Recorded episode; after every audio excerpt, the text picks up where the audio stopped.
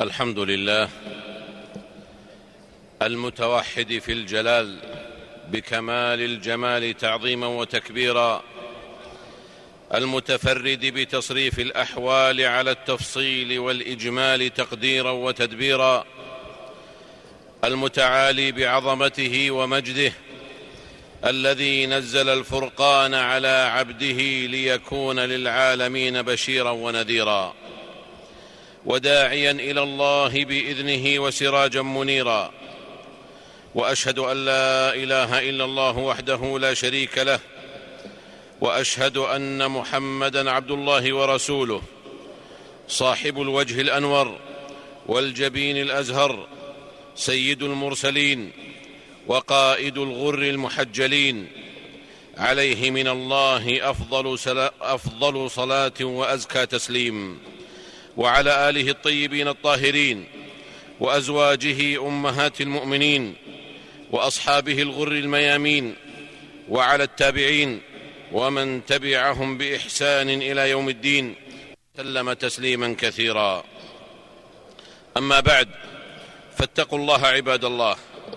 اتقوا الله ما دمتم في زمن المهله فإن الزمن وحي التقضي بطيء الرجوع.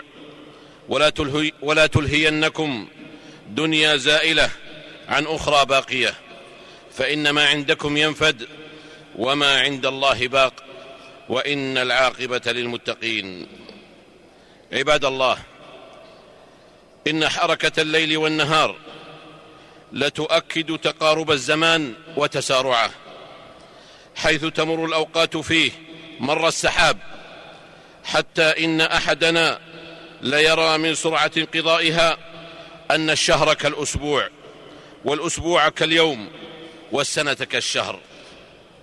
وإن مما نعلمه من ديننا أن ذلكم التسارع إنما هو من أشراط الساعة كما صح بذلكم الخبر عن الصادق المصدوق صلوات الله وسلامه عليه. وهذا كله عباد الله يعد فرصة عظمى لإيقاظ ذوي الفطن وأصحاب الحجى لفعل الخير والتوبة النصوح وإسداء المعروف وترك ما يشين. وهو الذي جعل الليل والنهار خلفة لمن أراد أن يذكر أو أراد شكورا. عباد الله إذا كان فعل السيئة قبيحا فما أشنعه وأقبحه بعد فعل الحسنة. وإن كانت الحسنات يذهبن السيئات فإن استئناف السيئات يعكر الأعمال الصالحة ويزاحمها. ولقد استعاذ نبينا صلى الله عليه وسلم من الحور بعد الكور وقد قال الله جل وعلا ولا تكونوا كالتي نقضت غزلها من بعد قوة أنكاثا ولذا عباد الله فإن من وقع في التقصير بعد التمام أو تمكنت منه الذنوب بعد الإقلاع عنها لهو ممن أفسد على نفسه الفوز بالطاعة. ولو غش نفسه بعبادات موسمية يسيرة إلا أنها لا تبرح مكانها. هذا إن لم يكن حين أدائها مسلوبا لذة المناجاة وحلاوة التعبد لعزمه على العود إلى ما كان قبل الطاعة. فتأمل يا عبد الله. فتأمل يا عبد الله. أنك قد ذقت شيئا. أنك قد ذقت شيئا من طعم العبادة في شهر رمضان. فلا فلا تفسدن هذا الطعم بما يشينه. وعليك بالدوام وإن قل. فليست العبرة بالكم وإنما هي بالكيف. فقد قال الله سبحانه ليبلوكم أيكم أحسن عملا ولم يقل أكثر عملا فإن المداومة على القليل تحرس بإذن الله من الفترة بعد الشرة. وقد قال رسول الله صلى الله عليه وسلم عليكم من العمل ما تطيقون فوالله لا يمل الله حتى تملوا. وكان أحب الدين إليه ما داوم عليه صاحبه. رواه مسلم. ألا إن المرء الموفق عباد الله هو من لا ينفك عن طاعة الله في جميع أوقاته.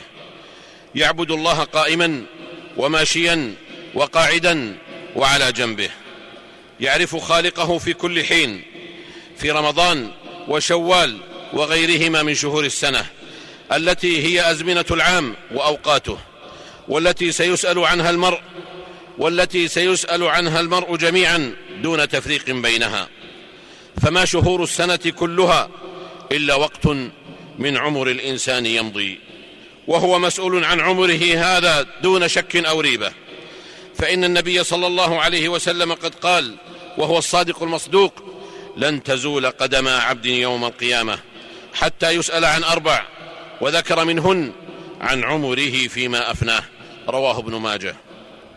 لذلك كان المرء الموفق هو من لا يحصر العبادة في شهر دون غيره.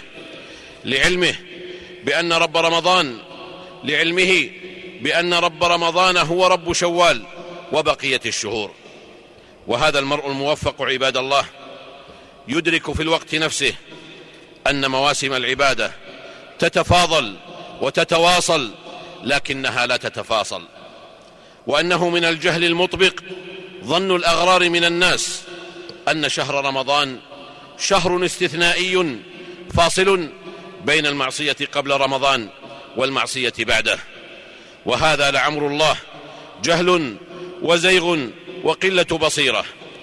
كما أن المر... كما أن المرء الموفق أيضا يعلم أن فرحه بالعيد المشروع عبادة كما أن صومه المشروع عبادة. وإذا كان شهر رمضان قد اختص باجتماع جملة من العبادات في شهر واحد ليجمع فيه المرء بين التخلية والتحلية فإن تلك الطاعات المجتمعة سيجدها متفرقة سيجدها متفرقة أمامه في بقية شهور السنة. فما الذي يحجزه عن الصوم في شوال يوم الاثنين والخميس وأيام البيض الثلاثة؟ وما الذي يحجزه عن الصدقة والذكر وقراءة القرآن؟ وقولوا مثل ذلكم في بقية شهور السنة.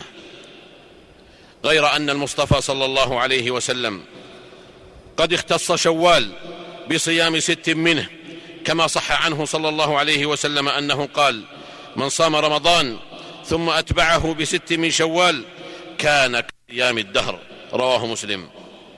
وحاصل ذلكم عباد الله أن الحسنة بعشر أمثالها وصيام رمضان بعشرة أشهر وصيام ست من شوال بستين يوما. فصارت العدة اثني عشر شهرا. أي دهرا كاملا والدهر هو السنة. وإن من رحمة الله لعباده أنه لما نهاهم عن صيام الدهر كما صح بذلك الخبر عن المصطفى صلى الله عليه وسلم جعل لهم في صيام رمضان وست من شوال ما يحصل أجره دون الوقوع في النهي عن صومه. وذلك فضل الله يؤتيه من يشاء والله ذو الفضل العظيم. وقد خص شهر شوال بخصائص ليست في غيره من شهور السنة وذلك بأنه أول الأشهر المعلومات التي يفرض فيهن الحج وهي شوال وذو القعدة وعشر من ذي الحجة. واختص شهر شوال بأن فيه عيد الفطر المبارك كما اختص أيضا بصيام ست منه. وحاصل الأمر عباد الله أن المرء المسلم يعبد الله في كل أحيانه وشؤونه حتى اللقمة يضعها في فم زوجه له بها أجر. ولا أعظم في محو السيئات. من توحيد خالص لله ثم كثرة حسنات يضيفها المرء إلى صحائفه. أقم الصلاة طرفي النهار وزلفا من الليل. إن الحسنات يذهبن السيئات. ذلك ذكرى للذاكرين. بارك الله لي ولكم في القرآن العظيم ونفعني وإياكم بما فيه من الآيات والذكر الحكيم. أقول قولي هذا وأستغفر الله لي ولكم ولسائر المسلمين والمسلمات من كل ذنب وخطيئة فاستغفروه وتوبوا إليه. إن ربي كان غفورا رحيما. الحمد لله رب العالمين والصلاة والسلام على أشرف الأنبياء والمرسلين. أما بعد فإن أحسن الحديث كلام الله وخير الهدي هدي محمد صلى الله عليه وسلم وشر الأمور محدثاتها وكل محدثة بدعة وكل بدعة ضلالة. وعليكم بجماعة المسلمين فإن يد الله على الجماعة ومن شذ شذ في النار. ألا فاتقوا الله عباد الله واعلموا أن من كان يعبد رمضان فإن رمضان قد ولى وفات ومن كان يعبد الله فإن الله حي لا يموت. فالكيس من دان نفسه فعبد الله وعمل لما بعد الموت والعاجز من أتبع نفسه هواها وتمنى على الله الأماني. ألا فلا يضيع ألا فلا يضيعن امرؤ عمره فيما لا يرضي ربه ولا يفرطن في اغتنام الخير في جميع الشهور وليسأل الله إعانته على تحصيله كما كان النبي صلى الله عليه وسلم يقول في دعائه المشهور واجعل الحياة زيادة لي في كل خير. إذ لم يقصر الخير على شهر رمضان فحسب بل إنه في كل الأزمان والتماسه مطلوب في كل آن. هذا كله إنما هو استجابة لأمر ربه جل وعلا بقوله واعبد ربك حتى يأتيك اليقين. فلا منتهى للعبادة ولا للتقرب إلى الله ولا للتقرب إلى الله إلا بالموت. فالله الله عباد الله. في مداومة الطاعة والثبات على التماس رضا الله جل شأنه وحذار من العجز والكسل عن, عن متابعة طريق الخير والبر والإحسان والصبر على ذلكم. إنما يوفى الصابرون أجرهم بغير حساب. فلا تفرطوا في اغتنام الأوقات بما يرضي الله ما دام المرء في دار الإمهال. ولا تلهينكم أموالكم ولا أولادكم ولا أعيادكم عن طاعة ربكم. فإن الأجل مباغت والحساب عسير والندم كبير ولا تساعة مندم يا أيها الذين آمنوا لا تلهكم أموالكم ولا أولادكم عن ذكر الله. ومن يفعل ذلك فأولئك هم الخاسرون. وأنفقوا مما رزقناكم من قبل أن يأتي أحدكم الموت. فيقول رب لولا أخرتني إلى أجل قريب فأصدق وأكن من الصالحين. ولن يؤخر الله نفسا إذا جاء أجلها. والله خبير بما تعملون. هذا وصلوا رحمكم الله. على خير البرية وأزكى البشرية محمد بن عبد الله صاحب الحوض والشفاعة. فقد أمركم الله بأمر بدأ فيه بنفسه وثنى بملائكته المسبحة بقدسه. وايه بكم أيها المؤمنون فقال جل وعلا يا أيها الذين آمنوا صلوا عليه وسلموا تسليما. اللهم صل وسلم وبارك على عبدك ورسولك محمد صاحب الوجه الأنور والجبين الأزهر وارض اللهم عن خلفائه الأربعة أبي بكر وعمر وعثمان وعلي وعن سائر صحابة نبيك محمد صلى الله عليه وسلم وعن التابعين ومن تبعهم بإحسان إلى يوم الدين وعنا معهم بعفوك وجودك وكرمك يا أرحم الراحمين. اللهم أعز الإسلام والمسلمين اللهم أعز الإسلام والمسلمين اللهم أعز الإسلام والمسلمين. واخذل الشرك والمشركين. اللهم انصر دينك وكتابك وسنة نبيك وعبادك المؤمنين.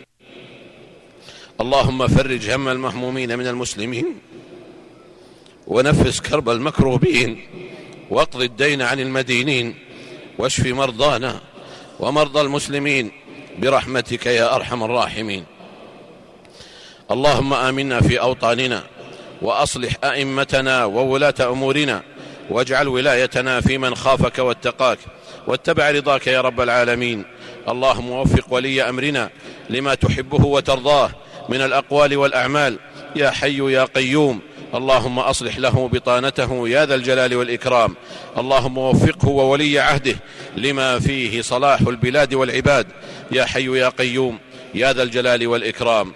اللهم أصلح أحوال المسلمين في كل مكان. اللهم أصلح أحوال المسلمين في كل مكان. اللهم كن لاخواننا المستضعفين في دينهم في سائر في سائر الأوطان. يا ذا الجلال والإكرام. يا حي يا قيوم. اللهم أصلح لنا ديننا الذي هو عصمة أمرنا. وأصلح لنا دنيانا التي فيها معاشنا. وأصلح لنا آخرتنا التي إليها معادنا واجعل الحياة زيادة لنا في كل خير والموت راحة لنا من كل شر. يا ذا الجلال والإكرام يا رب العالمين اللهم اغفر للمسلمين والمسلمات والمؤمنين والمؤمنات الأحياء منهم والأموات إنك سميع مجيب الدعوات. اللهم اجعل مواسم الخيرات لنا مربحا ومغنما وأوقات البركات والنفحات لنا إلى رحمتك طريق وسلما. يا ذا الجلال والإكرام ربنا آتنا في الدنيا حسنة وفي الآخرة حسنة وقنا عذاب النار. سبحان ربنا رب العزة عما يصفون وسلام على المرسلين وآخر دعوانا أن الحمد لله رب العالمين.